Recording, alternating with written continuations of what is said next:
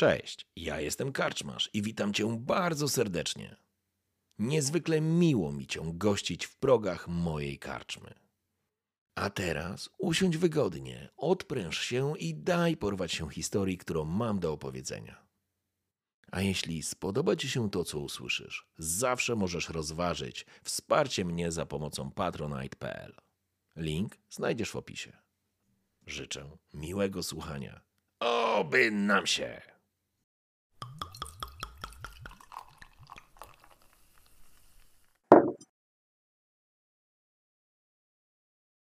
BPP Psie Chwosty to interaktywna historia w uniwersum Wiedźmina, którą tworzę wspólnie z Wami. Na koniec każdego odcinka zapraszam Was do głosowania. Wasz wybór będzie kierował rozwojem fabuły przygód Bolko i Psich Chwostów. Zapraszam do słuchania. Karczmasz. Mroźny wiatr z gwizdem wdziera się do baraku. Bez trudu prześlizgując się przez szpary w nierówno ciosanych deskach. Zaciąga wysoko i wyje niczym galopujące, przerażone konie, które wpadają na ścianę pik.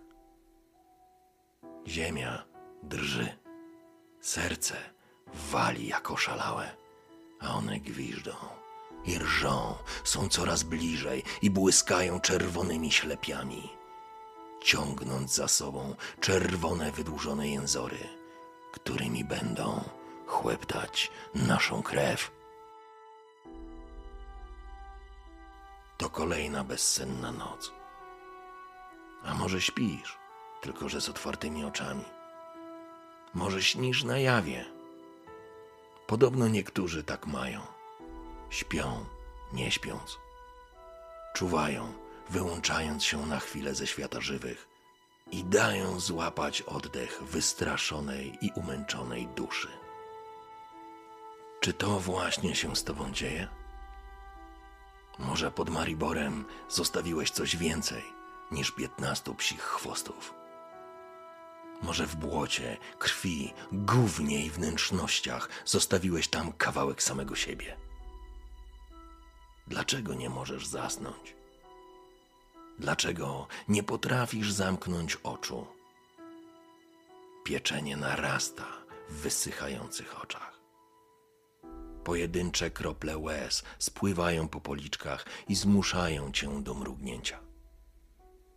Ktoś przeciągle pierdnął, ktoś chrapał, ktoś harczał przez zatkany nos. Psie chwosty spały, żyły, przynajmniej oni. Z zewnątrz dochodzą nawoływania wartowników, unoszone przez mroźny wiatr. Młockarnia czuwa. Co się dzieje w twojej głowie?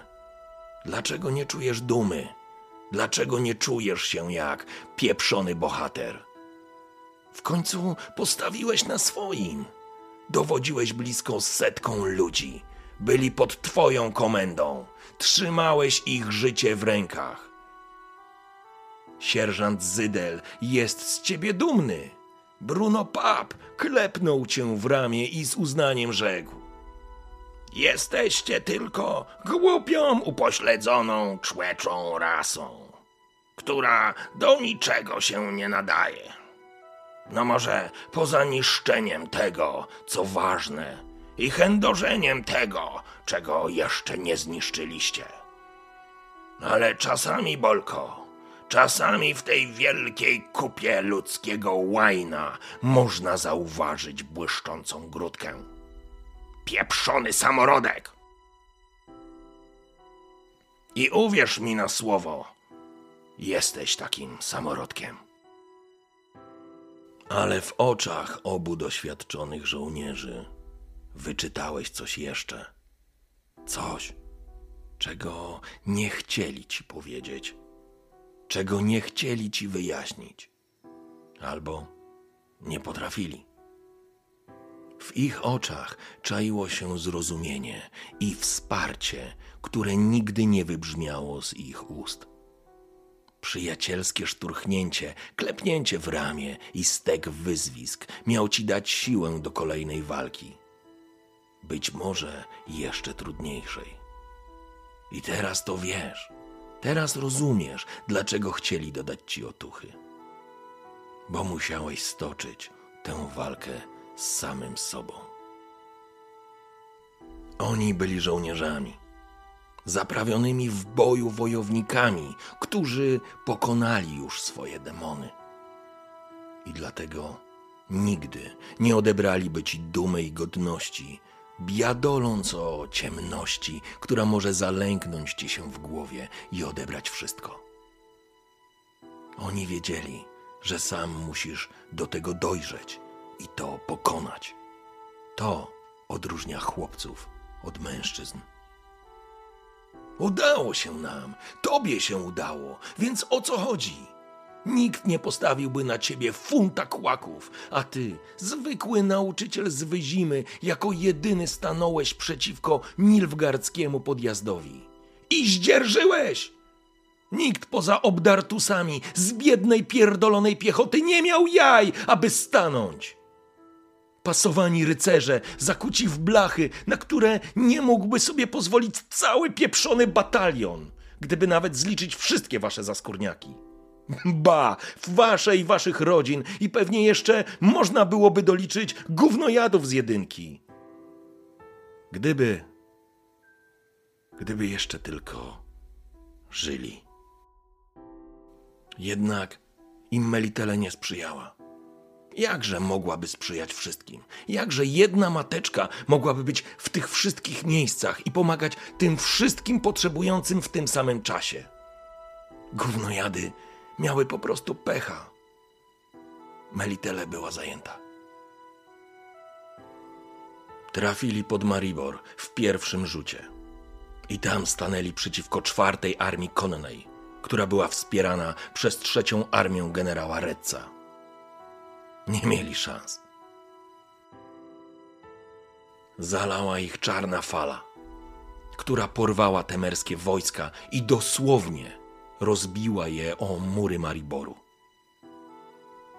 Z tej perspektywy przypał z bimbrem i pobiciem pliszki przez chłopaków z jedynki wyglądał jak miłe wspomnienie strasznie odległych, niemal zapomnianych czasów.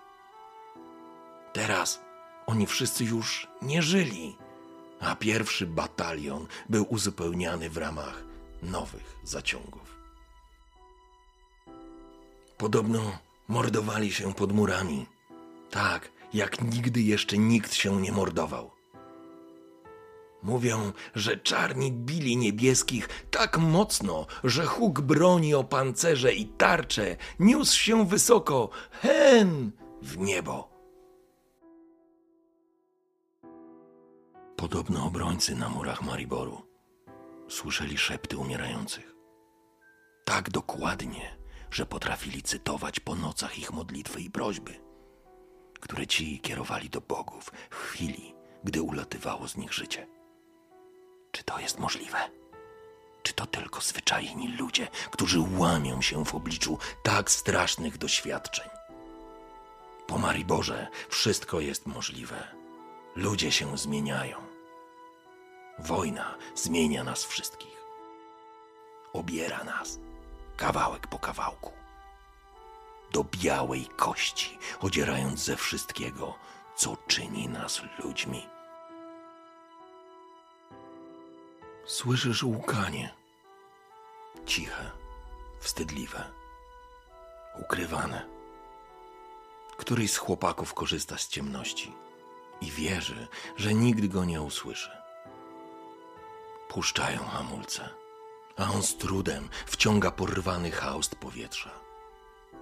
Ukrywa twarz w sienniku.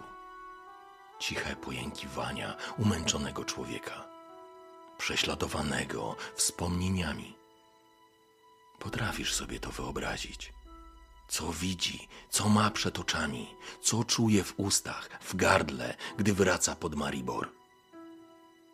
Bo byłeś tam. Nie miałeś komfortu, aby oddać się pod czyjąś komendę. Nie mogłeś pęknąć. Musiałeś stać jak jebany mur i nawet nie mrugnąć. Musiałeś dać przykład władzy i autorytetu, bo inaczej, inaczej nikt nie uszedłby z tego z życiem.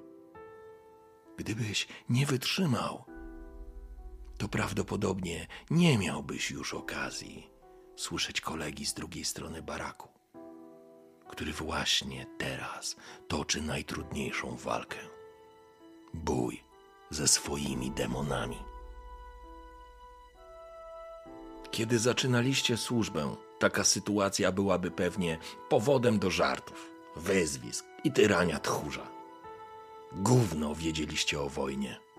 W dupie byliście i gówno widzieliście. Teraz. Teraz jest inaczej.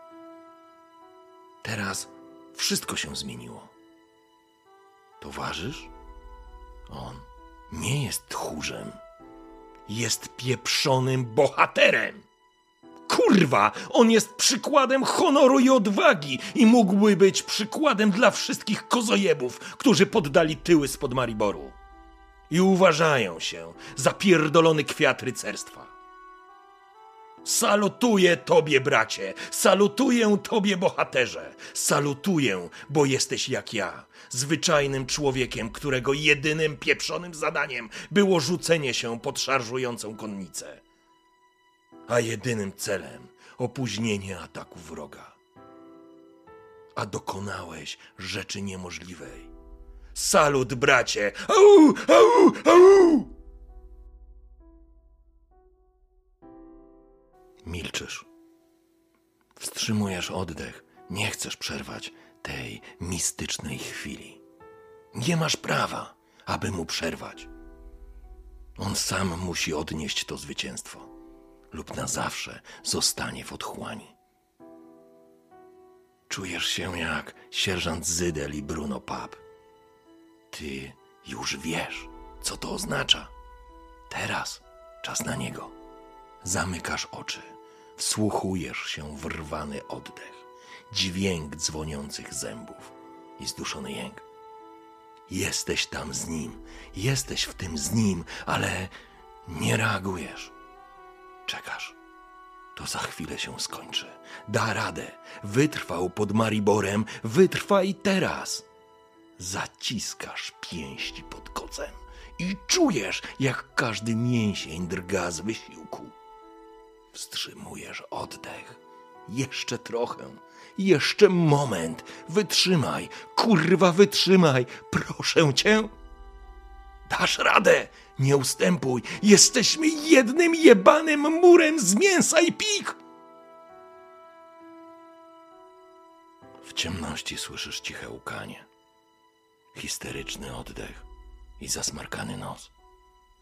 A później z ust twojego brata wyrywa się ciche. Mam, mamusiu.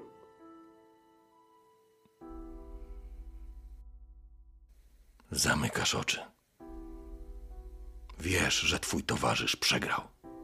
Zaciskasz zęby, aż zgrzytają. Nikt was na to nie przygotował. W myślach odmawiasz modlitwę za swojego brata. Jego już nie ma. Na szczęście czarni się przejechali.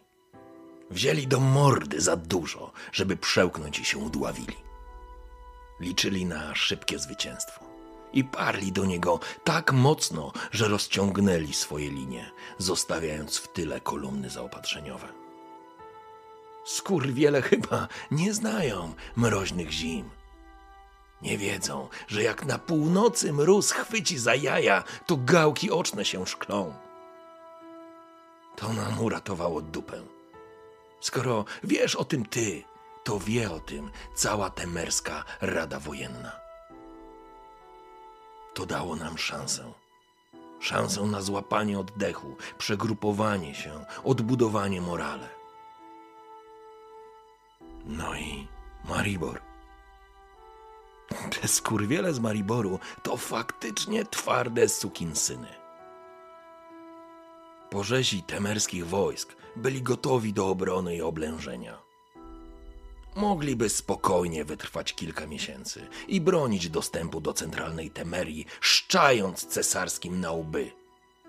Zwłaszcza, że ci nie byli gotowi do takiego oblężenia. Nie potrafili nawet opasać miasta pierścieniem. Dlatego cofnęli się na południe do Soden, żeby przeczekać zimę.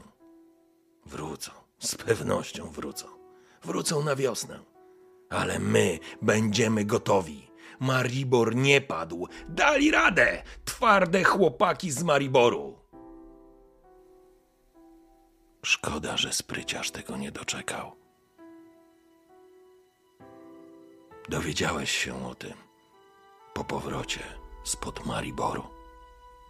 Kurwich synów wysłali do eskorty kapłanek z Elander. Pamiętasz? Spryciarz wymusił to na tobie. Realizacja drugiej przysługi. I tak oto znaleźliście się pod Mariborem, a oni, oni pojechali do Elander. Sam sobie zgotował ten los. Nie wiesz, czy gdyby wszystko potoczyło się inaczej, to byście dali radę? Może? Skąd to kurwa masz wiedzieć? Spryciarz i jego batalion dwójek poszli w eskorcie i wpadli w zasadzkę z Kojatel. A ci urządzili im krwawą łaźnię. Rzecz jasna, po chłopakach z młockarni nikt nie płakał. To było tylko mięso. I to gorszego gatunku. Gorzej, że wiewiórki wyrżnęły część nowicjuszek. Nikt, kurwa nikt nie docenił poświęcenia kurwich synów. A podobno oni dzielnie stawali. Dzięki nim część dziewczyn uszła spod noży. Mówią, że pięć z piętnastu nowicjuszek przetrwało. Setka chłopaków zapłaciła za to życiem. Nie ludzie nieźle się z nimi zabawili. Oj, jak oni tam harcowali z pannami i rannymi żołnierzami. Tradycyjnie oszczędzając kilku okaleczonych żołnierzy, żeby ci mogli opowiedzieć, co się tam stało. Żeby mogli rozsiewać strach i terror, żeby mogli łamać morale. Podobno spryciarz był w grupie broniących nowicjuszki. Bił się jak sam diabeł do końca. Nie odpuścił. Był chłopakiem z Mariboru. A oni, nie swołocz, stawali twardo. Pono ostro poharatali psu bratów. Ale nie zdzierżyli z wyszkolonym komandem, które specjalizowało się w zasadzkach i walce podjazdowej. Oni, tak jak i wy, potrafili jedynie trzymać pikę i stać jak chędożony mur ale to nie zdało egzaminu przeciwko Skojatel. Starasz się nie myśleć o okropieństwach, które uczyniono twym towarzyszom. Musisz to wyrzucić z pamięci. Nie chcesz o tym myśleć. Nie teraz. Posłuchaj, Bolko. Mnie już nie ma. Nas już nie ma widmo spryciarza przysiada się na twojej pryczy. Puste, czarne oczodoły patrzą na ciebie. Wyrwane ze stawów ręce dyndają nienaturalnie wzdłuż jego ciała. Obdarty ze skóry tors mieni się karminową czerwienią. Majak wstydliwie zakłada nogę na nogę, żebyś nie wiedział, jak bardzo go okaleczono ale nie możesz o mnie zapomnieć. Nie możesz nie wiedzieć, co mi zrobili. Bo, bo bracie, jeśli będziesz to miał przed oczami, to będziesz wiedział, że gdy przyjdą po was, to nie możesz nawet na chwilę zwątpić, nie możesz odpuścić, nie możesz pozwolić sobie na jebany komfort niewiedzy o tym, co te skurwysyny z wami zrobią, gdy przegracie. Dlatego Patrz, Bolko, nie zamykaj oczu. Patrz i pamiętaj, wiedz, co cię czeka. Jeśli tylko nie zdzierżysz. Czujesz, jak widmo chwyta twoją głowę i powyłamywanymi, opuchniętymi palcami na siłę otwiera ci powieki. Patrz, patrz, patrz! Musisz wiedzieć, co ci zrobią, gdy nie dasz rady! Wyginasz się w łuk, ściskając koc i zaciskając zęby. Pot, pot cię oblewa, świat rozpada się na kawałki. Nie chcesz już, nie możesz, nie możesz, nie teraz. Kiedy ta noc się skończy, nie możesz, nie chcesz, nie po tym, co przeszliście, nie po tym, ile zapłaciliście. Nie po tym, jak śmiałeś się tej starej kurwie prosto w jej biały i pusty czerep. Nie pękniesz, nie! To, to właśnie odróżnia chłopców od mężczyzn.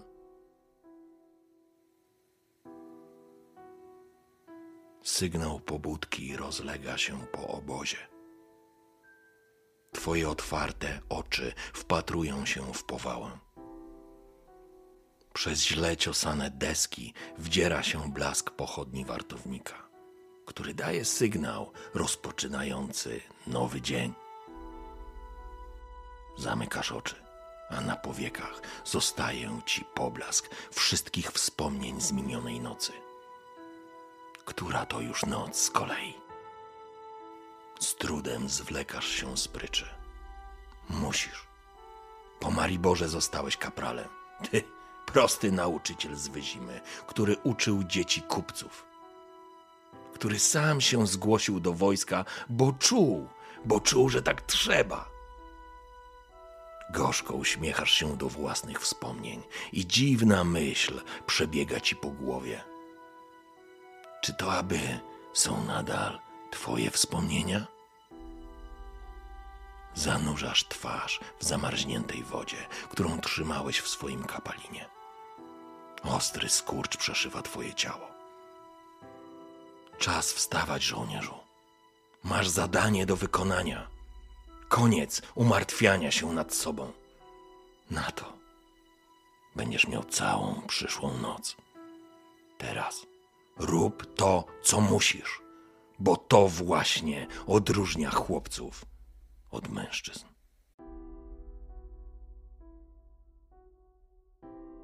Cześć, tu Karczmasz. Dziękuję za odsłuchanie kolejnego odcinka Psich Chwostów. Wiem, że po ponadrocznej przerwie trudno się Wam odnaleźć w tej historii, dlatego ten odcinek potraktujcie jako przypomnienie i następstwa ostatnich decyzji. Z głosowaniem wrócimy od kolejnego odcinka. Oby nam się!